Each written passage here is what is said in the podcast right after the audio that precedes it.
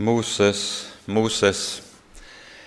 Det er altså tema for denne timen.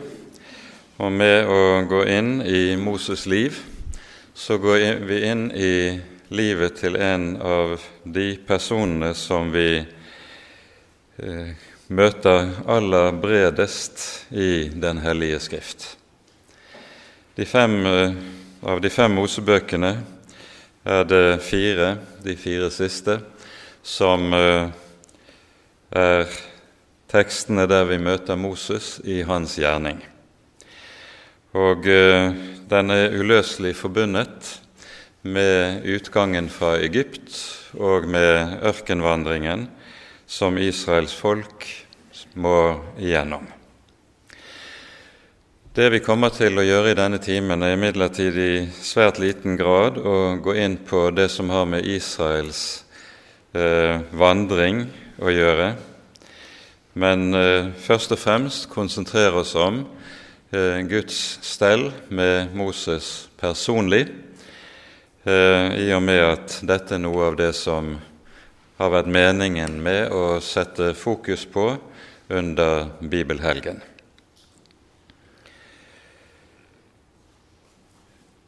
Navnet Moses forklares for oss i eh, det andre kapittel i, eh, i annen Mosebok.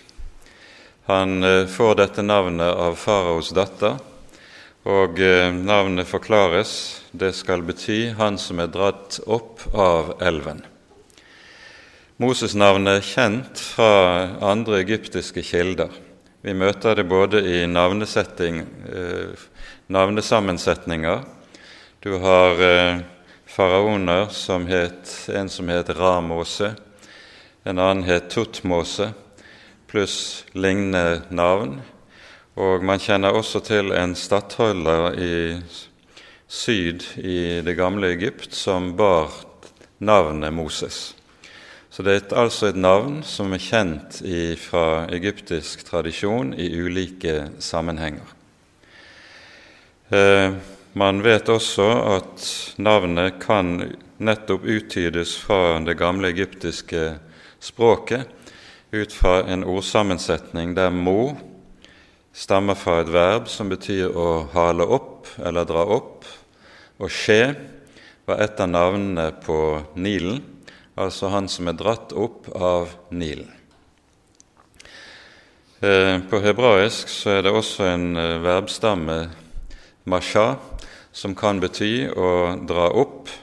Så eh, dette er noe av eh, den etymologiske eh, bakgrunnen for Moses-navnet. Vi hører om Moses at hans liv inndeles i tre perioder, hver av dem på 40 år. De første 40 årene befinner han seg ved faraos hoff, der han oppsedes som en egyptisk prins. De neste 40 årene befinner han seg i Midians land og i ødemarken som sauegjeter etter at han måtte flykte fra faraos vrede når han hadde slått i hjel en egyptisk slavedriver. Og de siste 40 årene er altså Moses folkets leder, den som av Herren kalles til å gå foran folket, føre dem ut fra Egypt og lede dem på veien til det lovede land. 120 år blir Moses' dager, og eh, når han skriver i den 90. salmen følgende et menneskes levedager er 70 år, og når det er megen styrke 80, så skjønner vi at for Moses' eget vedkommende så går det langt utover dette. I eh, Stefanus' tale i apostelgjerningene 7 så møter vi en meget bestemt innfallsvinkel til Moses' liv som er uhyre viktig å ha med seg dersom en vil forstå det som skjer med Moses personlig. Og Vi skal lese noen vers fra apostelgjerningene 7 før vi går inn i noen tekster i annen Mosebok. Her hører vi det tales om eh, Moses fra vers 20 av og utover i eh, apostelgjerningene 20. På den tiden ble Moses født. Han var fager for Gud.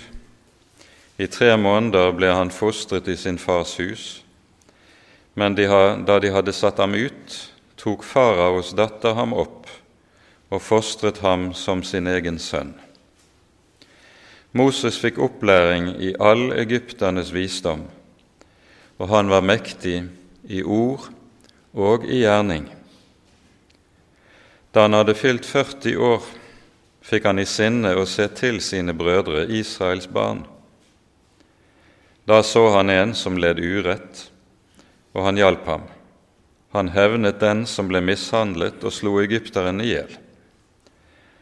Han tenkte da at hans brødre skulle forstå at Gud ville gi dem frelse ved hans hånd, men de forsto det ikke. Dagen etter kom han over to som sloss, og han prøvde å få dem til å holde fred og sa, Men dere er jo brødre, hvorfor gjør dere hverandre urett? Men han som gjorde urett mot sin neste, støtte Moses fra seg og sa:" Hvem har satt deg til høvding og dommer over oss? Tre ting som vi særlig skal understreke i denne teksten som vi her har lest. Det sies i vers 22 at Moses fikk opplæring i all egypternes visdom og var mektig i ord og gjerning.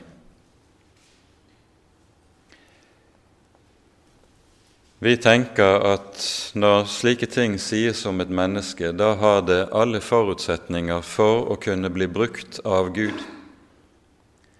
Bibelen tenker stikk motsatt. Så lenge Moses var mektig i ord og gjerning, var han ubrukbar for Gud.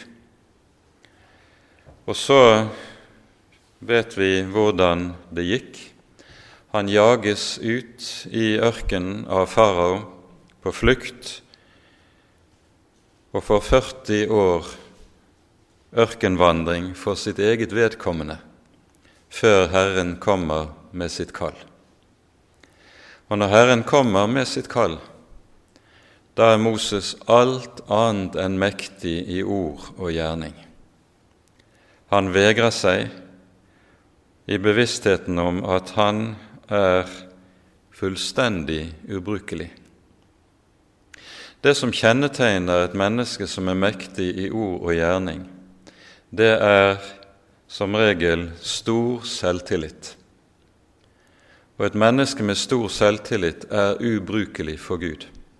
Gud kan ikke bruke slike mennesker. De kan godt ha en tro på Gud, men de er ubrukbare. Fordi Herren har det som sin regel i alt hva han gjør, at han lar sin kraft fullendes i skrøpelighet. Så når Moses er mektig i ord og gjerning, fordi han har fått med seg så meget ved faraos hoff av lærdom, av visdom, av makt, innflytelse og betydning, så sier Herren nei. Og Derfor er det ganske typisk, og det er det neste vi legger merke til, det som står i vers 25. Han tenkte da at hans brødre ville forstå. Ja, han tenkte. Men Gud tenkte noe ganske annet. Og i dette skal vi være klar over at det ofte er, kan være meget, meget langt mellom hva et menneske tenker om hva som er dets kallsgjerning, og hva Gud tenker. Han tenkte men Gud tenkte noe annet. Og så drives han ut i ørkenen. Det tredje vi merker oss i disse, disse versene i apostelgjerningene, er ordene som lyder fra han som irettesettes av Moses, like nedenfor. Spørsmålet stilles hvem har satt deg til dommer over oss? Og det er et helt berettiget spørsmål. Hvem har satt deg til dette? Moses har vel nærmest innsatt seg selv, og som sådan har han ingen rolle som vil aksepteres av folket. Når han kalles, og når han 40 år senere sendes, da blir det på det vis at Gud gjør det tindrende klart at nå er han innsatt av Herren. For det er forskjell på det å kalle seg selv og det å være kalt ovenfra. Så disse tre sakene skal vi være meget, meget klar over når vi nå går inn i kallelsesfortellingen til Moses, som vi finner i 2. Moseboks tredje og fjerde kapittel.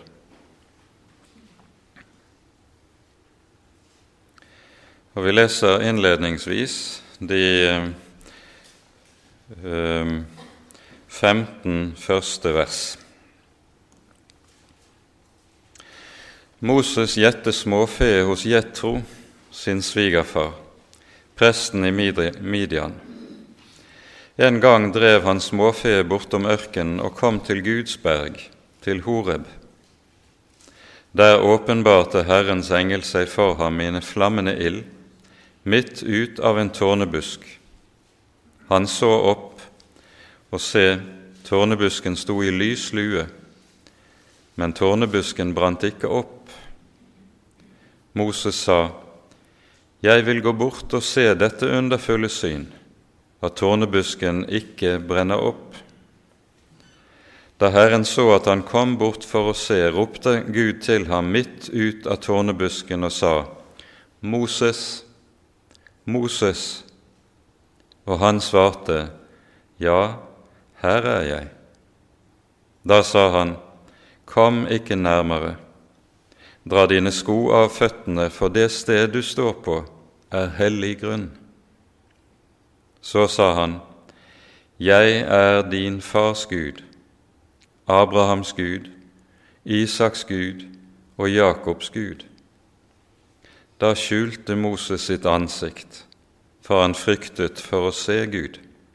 Og Herren sa, Jeg har så visst sett mitt folks nød i Egypt.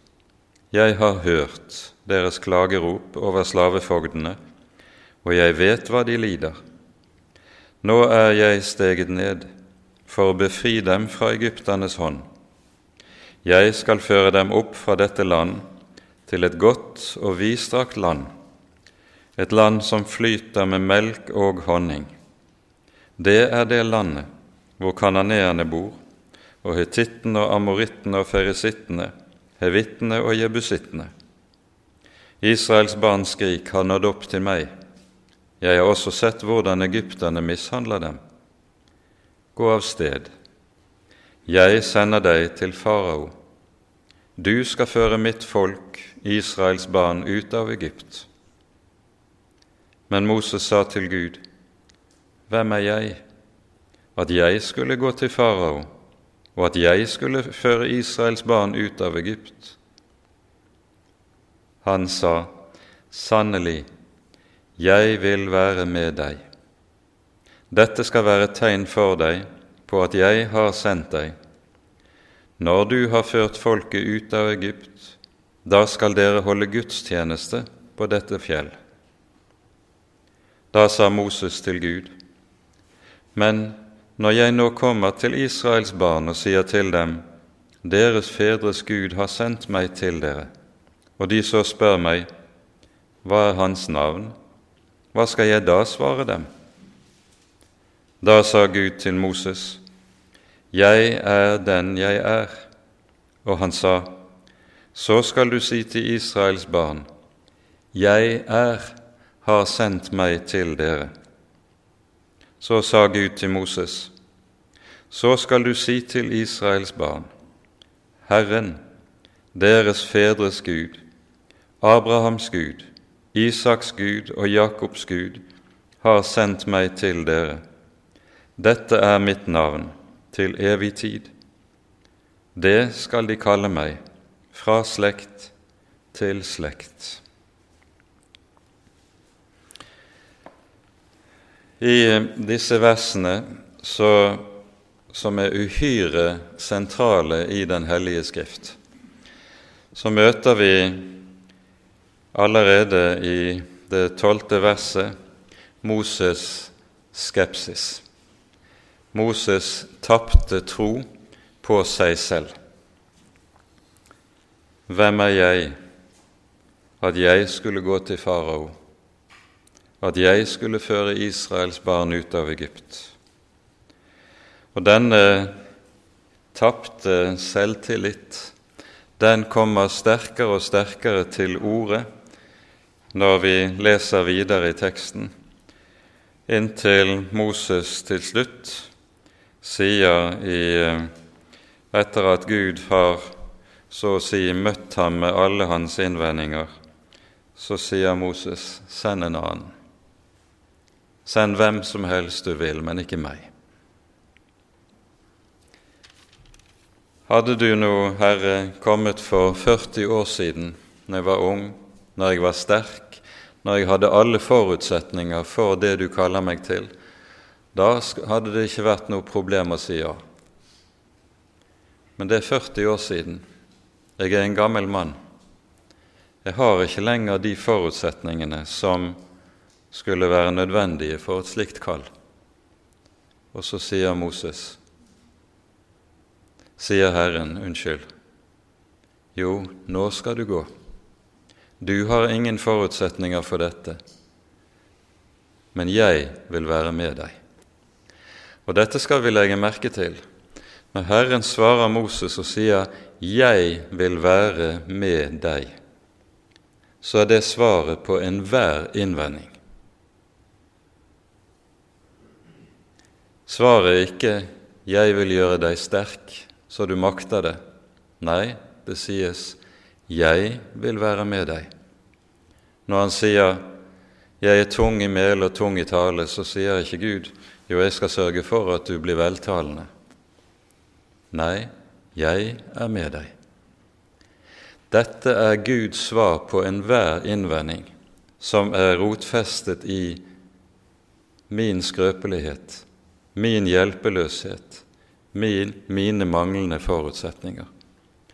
Om jeg mangler alle forutsetninger for det som skal gjøres, så har den Gud som kaller alle forutsetninger for å utføre det som skal utføres. Og Dermed så kommer alt til å dreie seg om én en enkelt ting. Tror Moses på dette ord og på dette løftet? Jeg vil være med deg.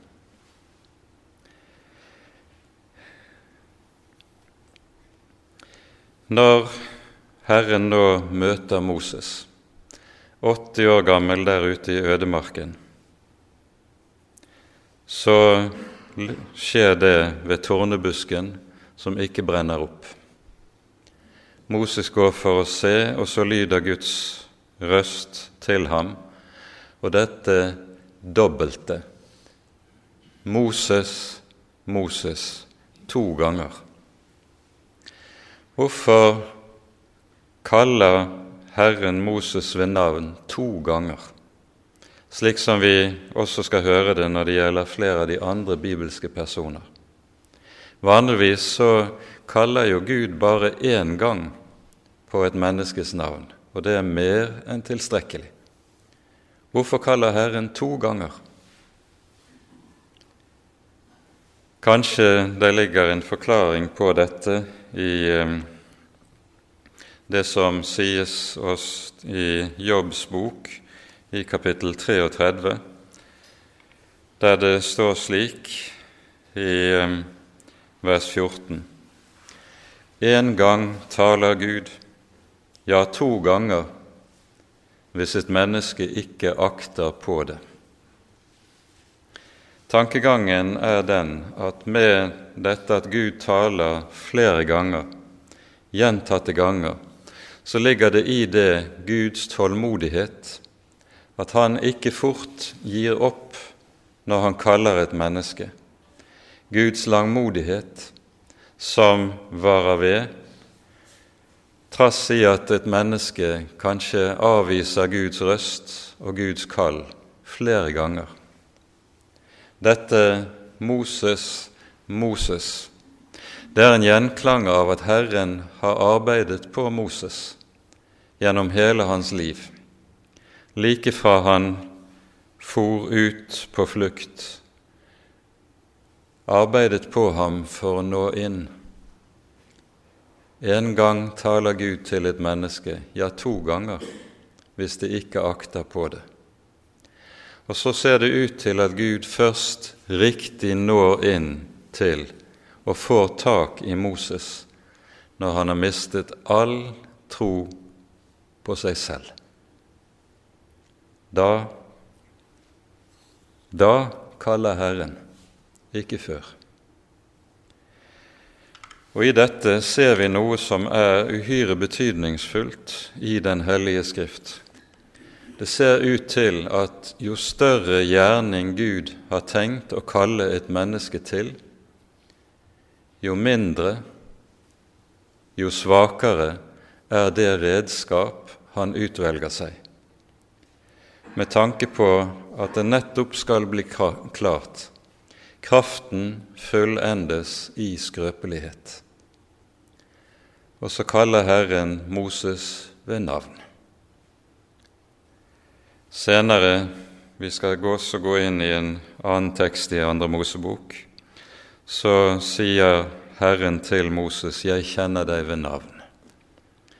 Og Som vi var inne på i går, navnet samler i en sum hele personligheten med alt hva den er, og en persons karakter og livsgjerning ligger gjemt i navnet. Så når Gud sier 'Jeg kjenner deg ved navn', så kjenner han Moses inn til det innerste. Det er intet som er skjult for den levende Gud. Og det er dette som er det forunderlige, at han kan kalle et menneske til sin gjerning, selv om han kjenner et menneske ut og inn. Han vet hvem vi er. Han vet om ikke bare skrøpelighetene, men synden, halvheten, vantroen, alt det som kjennetegner menneskets hjerte. Gud vet det og kaller dog. Jeg kjenner deg ved navn, sier Herren, og kaller fordi Han har kjær. I dette kall som Moses nå dras inn i, så er det som er det mest avgjørende av alt for Moses' del, det er at han skal vite hvem han har med å gjøre. Når eh, vi hører om kall til ulike slags tjeneste, så er vi med en gang opptatt av det som skal gjøres. Hvordan skal det gjøres? Hvordan skal det utføres?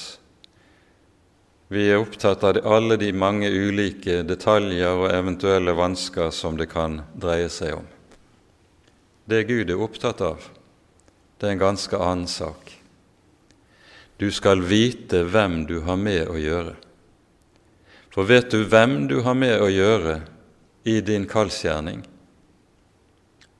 da har du også det du trenger for å gå inn i den. Det er det som er det avgjørende. Og Derfor er det også slik at når Herren kaller Moses, som vi hører det her, så er det første Moses får høre, det er Kom ikke nærmere, dra din fot din sko av din fot, for det sted du står på, er hellig grunn. Han har med den hellige å gjøre. Vi hører nøyaktig de samme ordene lyde til Josva når han står i ferd med å begynne på sin gjerning, slik vi leser om det i eh, Josva-bokens femte kapittel. Han som er eh, leder for Herrens herskare, åpenbarer seg for Moses, nei, for Josva, og så får Josva den samme beskjed. Dra din sko av din fot, for du står på hellig grunn. Han har med den hellige å gjøre. Og dette er og må være det bærende inn i den gjerning som Moses skal inn i. Og eh, når Moses drar av sted, så understrekes dette på en helt særlig måte. I det det er slik at når vi kommer til det fjerde kapittel, Moses har begitt seg på vei så hører vi at han først drar av sted for å tilbake til eh, sin familie, henter sin hustru, Sippora og sine barn, setter dem på et esel, tar staven i sin hånd for å vende tilbake til Egypt. Og så leser vi fra vers 24 i det fjerde kapittel. Mens de var på veien på et hvilested, skjedde det at Herren kom mot ham og ville ta livet av ham. Da tok Sippora en skarp stein, med den skar hun bort sin sønns forhud og kastet den for Mose føtter og sa, Du er meg en blodbrudgom. Så lot Herren ham være. Da sa hun, En blodbrudgom for omskjærelsens skyld. Dette er en underlig tekst. Herren har kalt Moses. Han har sendt ham av sted for å føre folket opp fra Egypt. Og så, når han er på vei for å gå inn i kallet, så kommer Herren for å ta hans liv. Hvorfor dette? Det er tydelig at Moses har forsømt noe av det som er grunnleggende i den pakt Herren inngikk med Abraham og Abrahams hus, og som vi hører om i eh, Første Mosebok 17. kapittel. Hvert guttebarn skal omskjæres på den åttende dag. Og den som så ikke skjer med, forliser sitt liv. Moses har ikke omskåret sin sønn. Og med det så vil det være slik, hvis han nå går inn i gjerningen Herren har kalt han til, at han som er folkets leder, i sitt eget hus har et vitnesbyrd om at han ikke har rettet seg etter Herrens ord i alle ting. Slik kan det ikke være. Skal en inn i Herrens gjerning, så kan en ikke ha noe skjult i sitt liv som går på tvers av Guds uttrykkelige befaling, sånn som det var hos Moses. Og så er det dette skjer som vi hører om. Og med det understrekes dette dype alvor. Herre, med Herren har Moses med den hellige Gud å gjøre. Og den hellige Gud er nøye med sitt eget ord. Han tar det ikke lemfeldig. Han ser ikke gjennom fingrene med at hans ord blir lagt til side av et eller annet menneskelig hensyn. Og så lærer Moses med dette noe av det som er grunnleggende, og som vi minnes om i katekismen i forklaringen til budene. Når vi har med den levende Gud å gjøre, så har vi med Han å gjøre som vi skal frykte og elske. Frykte fordi Han er den hellige. Elske fordi Han er den nådige. Som den hellige så er han den som ikke korter av på sitt ord. Og dette er noe Moses med dette får lagt innover seg med en veldig tyngde ved det som her skjer. Moses skal vite hvem han har med å gjøre. Og så er det på mange vis slik at det vi videre leser i beretningen om Moses, beretningen om utgangen av Egypt og vandringen til Israels folk. Det er en beretning der det foldes ut for oss hva det vil si at Israels Gud er en hellig Gud.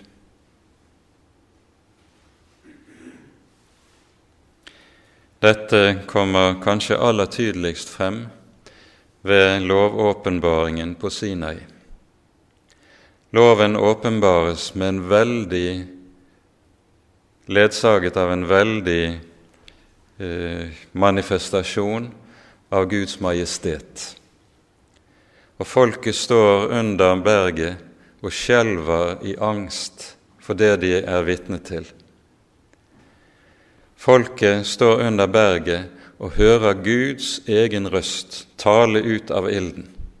Og dette er noe som understrekes i femte Mosebok, er absolutt enestående. Aldri har noe annet folk under himmelen opplevd eller sett noe tilsvarende. Herren åpenbarer sin hellige lov, og folket bever. Og når Gud har talt ut, gitt de ti bud, så hører vi folkets reaksjon. De kommer til Moses og sier, Tal du med oss, men på denne veldige røst kan vi ikke høre, for da må vi dø. Og det er sant. Det som loven åpenbarer, det er at skal de ha med denne Gud å gjøre, så trenger de en mellommann. Og det er nettopp en helt avgjørende side ved hele lovåpenbaringen. Den åpenbarer at vi trenger mellommannen hvis vi skal ha med Den hellige å gjøre. Det er mye mer å si om det, men dette er altså helt sentrale forhold ved hele den åpenbaring som gis i Mosebøkene. Og det er dette som er bakteppet også for at vår Herre Jesus nettopp får tittelen mellommann. For uten ham kan ikke noe menneske ha med den levende Gud å gjøre. Han er mellommannen, og ved ham lever vi. Uten ham må vi dø.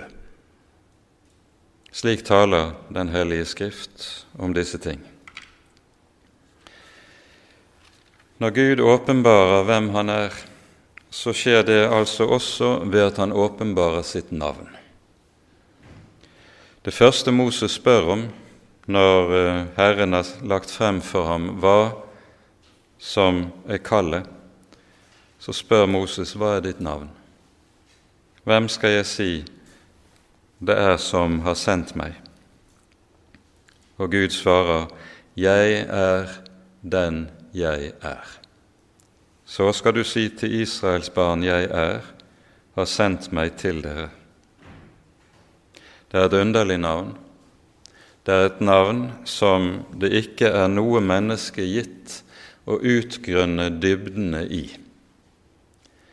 Men vi hører navnet utlegges på en bestemt måte en rekke steder, både hos Jesaja og senere i åpenbaringsboken. Han er den som er, og som var, og som kommer. Han er den første og den siste. Dette er en del av utleggelsen av navnet. Men det som kanskje er mest avgjørende i dette, det er at navnet slik det åpenbares her, det henger uløselig sammen med billedforbudet som gis i de ti bud. Det som kjennetegner alle religionene i samtiden, var at man laget seg bilder av gudene. Og Bildene var ment å anskueliggjøre gudenes egenskaper. Når en gud ble avbildet som okse, som f.eks. den egyptiske guden Apis, så symboliserte dette oksens styrke, kraft, uovervinnelighet. Det er dette Israel faller ned i med fallet med gullkalven. Men Gud sier, 'Jeg er den jeg er'. Jeg er ikke slik som noe i det skapte. Du kan ikke slutte deg fra noe som er skapt, til det jeg er. Jeg er den jeg er. Jeg er ikke slik som det skapte. Med det sier Gud altså at han er den som er absolutt unik og ulik alt annet.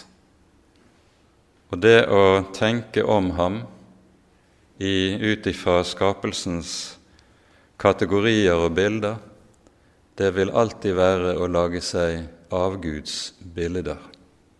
Jeg er den jeg er. Jeg er, han er ikke den som vi ønsker han skal være. Ikke den som det passer menneskene og at han skal være. Han er den han er.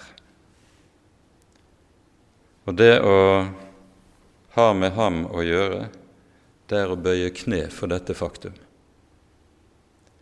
Moses skal vite hvem han har med å gjøre. Og så lærer han med dette Guds navn å kjenne. I dette ligger det en viktig åndelig sannhet som understrekes for oss i eh, Det nye testamentet. I Jesu ypperste prestelige bønn så gjentar han to ganger når han vil sammenfatte hele sin gjerning og sin forkynnelse for disiplene, så sammenfattes dette med at han sier 'Jeg har åpenbaret ditt navn for dem, og de har kjent at jeg, at du har utsendt meg'. Det Jesus gjør, det er at han åpenbarer navnet, det hellige navnet, slik at i hans person ser et menneske hvem Gud er, hvordan han er, og lærer den levende Gud å kjenne. Jeg har åpenbart ditt navn. Det er en uhyre viktig sak Jesus med dette understreker. Så er på denne bakgrunn altså svaret på alle innvendinger som Moses måtte reise mot kallet, det er at denne Gud sier 'Jeg vil være med deg'. Det er nok. Han trenger ikke noe mer. Om han selv, Moses selv, mangler alle forutsetninger, så er den Gud som har sendt ham og kalt ham, den som har alt det som trengs for at kallet skal fullbyrdes. Det er saken. Og så kastes Moses over på en avhengighet av Herren som gjør at når han senere omtales i 4. Moseboks tolvte kapittel, så står det om Moses han var en meget saktmodig mann, mer enn alle mennesker på jorden. Ordet som er oversatt med 'saktmodig'. Det er et ord som i grunnteksten har med å være ha tomme hender. En vet at en ikke har noe å fare med, og derfor er avhengig av Herren. I Nytestamentet er begrepet som brukes om dette, det å være fattig i ånden. Det er noe menneskene ikke trakter etter, men det er de fattige i ånden som får høre at himlenes rike er deres. Når Moses er en meget saktmodig mann, så betyr det konkret at han er ikke en som hevder seg. Han er ikke en som tar seg til rette. Han er ikke en som tar saken i egne hender. Det, en, det har vært pekt på ordene i Salme 37, 5, som ord som på mange måter uttrykker hva i en sum hva saktmodighet er for noe. Sett din vei i Herrens hånd, og stol på ham, han skal gjøre det. Det er ikke lenger jeg selv som skal gjøre det, det er Han, Han som er Herre. Og så betyr troen i denne sammenheng å øve seg i å vente på Han som er den levende Gud, at Han rekker ut sin hånd og gjør det Han har lovet og sagt. Før vi setter punktum, må vi ganske kort se på en annen tekst, nemlig i Andre Moseboks 33. kapittel.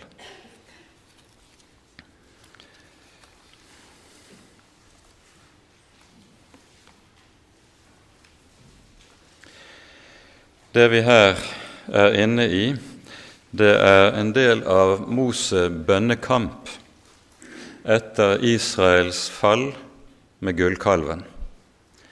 Vi hører i den forbindelse det, Synden med gullkalven er jo berettet for oss i kapittel 32. Så hører vi tre ganger at Moses trer frem for Gud i bønn for folket.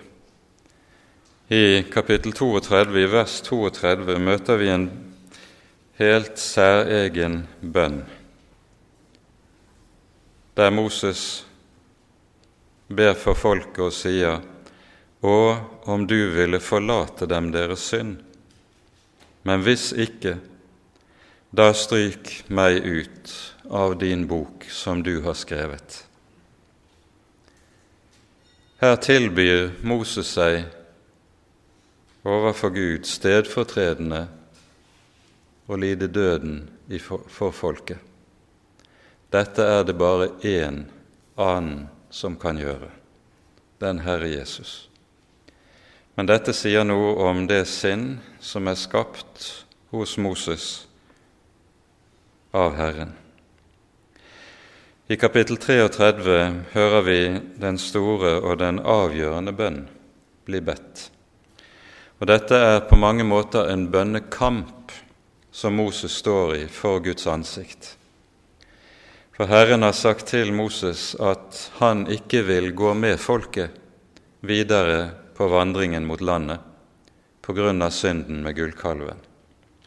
Og så er det Moses bokstavelig talt knegår Gud, trenger inn på Gud, kjemper med Gud for å be ham du må ikke forlate oss. Hvis du ikke går med oss, så kan vi ikke vandre videre. Dette er innholdet i bønnen. Vi leser fra vers 11. Herren talte til Moses ansikt til ansikt, som når en mann taler til sin neste. Og så fra vers 12. Og Moses sa til Herren, Se, du sier til meg, før dette folk opp, men du har ikke latt meg vite hvem du vil sende med meg, enda du selv har sagt, Jeg kjenner deg ved navn og du har funnet nåde for mine øyne. Dersom jeg nå har funnet nåde for dine øyne, så lær meg din vei, så jeg kan kjenne deg og finne nåde for dine øyne, og se, dette folk er jo ditt folk. Da sa han, Mitt åsyn skal gå med, og jeg vil føre deg til hvile. Men han sa til ham, Dersom ditt åsyn ikke går med, da la oss ikke dra opp herfra. Hvordan kan jeg da vite? Altså, Moses vil ha visshet. Det er en del av det han trenger inn på Gud for å få visshet.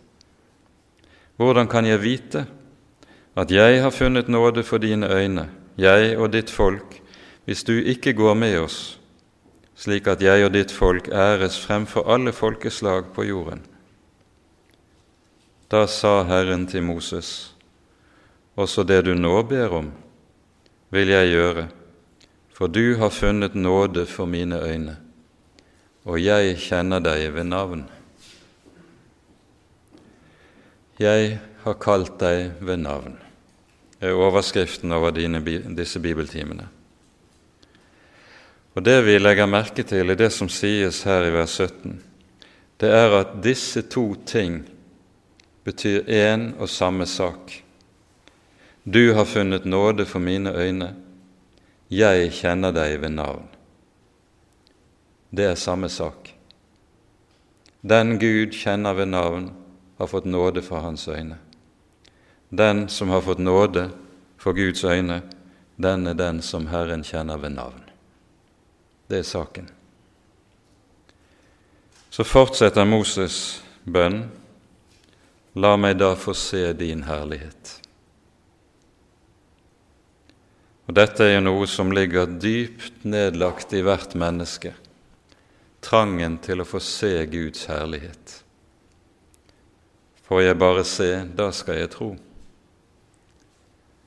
Og så lover Gud at Moses skal få se. Men han får ikke se Herrens herlighet. Han sa, Jeg vil la all min godhet gå forbi ditt ansikt, og jeg vil rope ut Herrens navn for ditt ansikt. For jeg vil være nådig mot den som jeg er nådig mot, og miskunne meg over den jeg miskunner meg over. Og han sa, Du kan ikke se mitt ansikt, for intet menneske kan se meg og leve. Så fortsetter Herren med å tale og sier, Se her, tett ved meg er et sted, still deg der på klippen. Når min herlighet går forbi, vil jeg la deg stå i fjellkløften, og jeg vil dekke med min hånd over deg til jeg er gått forbi. Så vil jeg ta min hånd bort da kan du se meg bakfra, men mitt ansikt kan ingen se.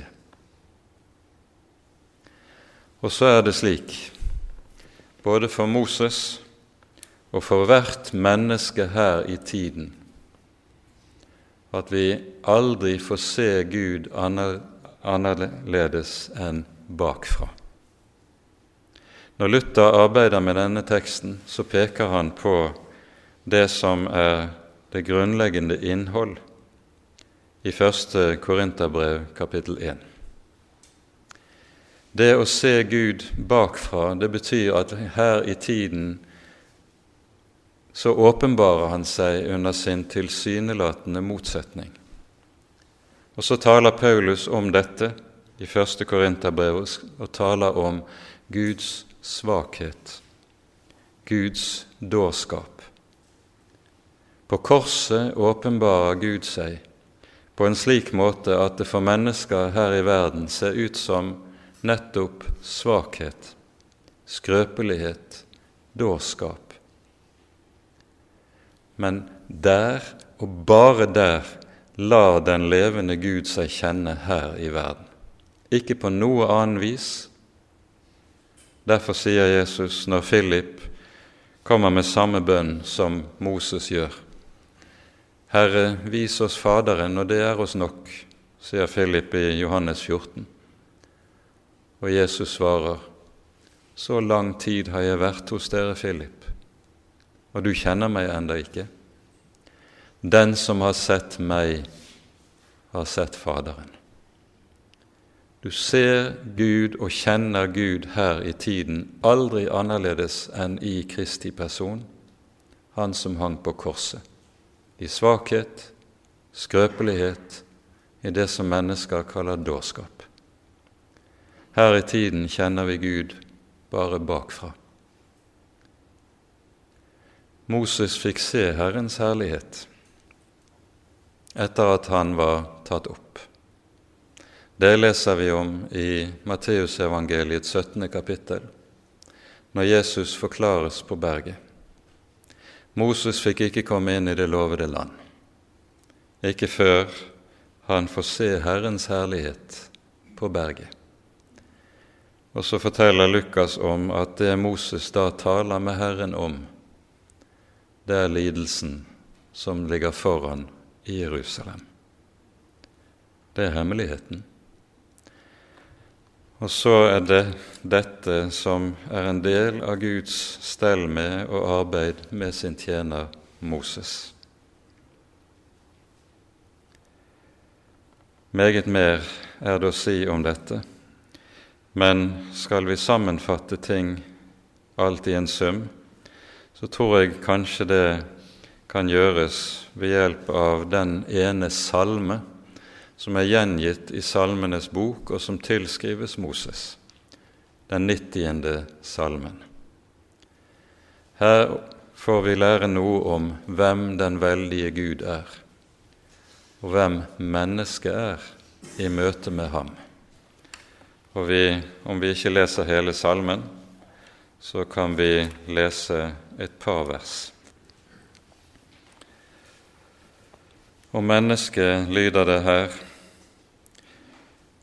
at om morgenen er de som det groende gress, om morgenen blomstrer det og gror, om kvelden visner det og blir tørt. Slik er mennesket.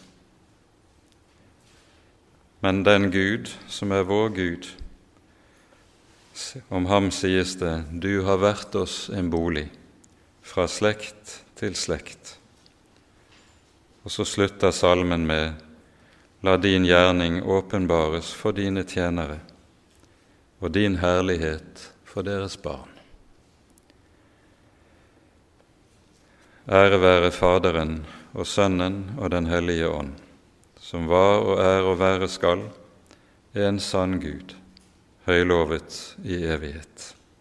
Amen.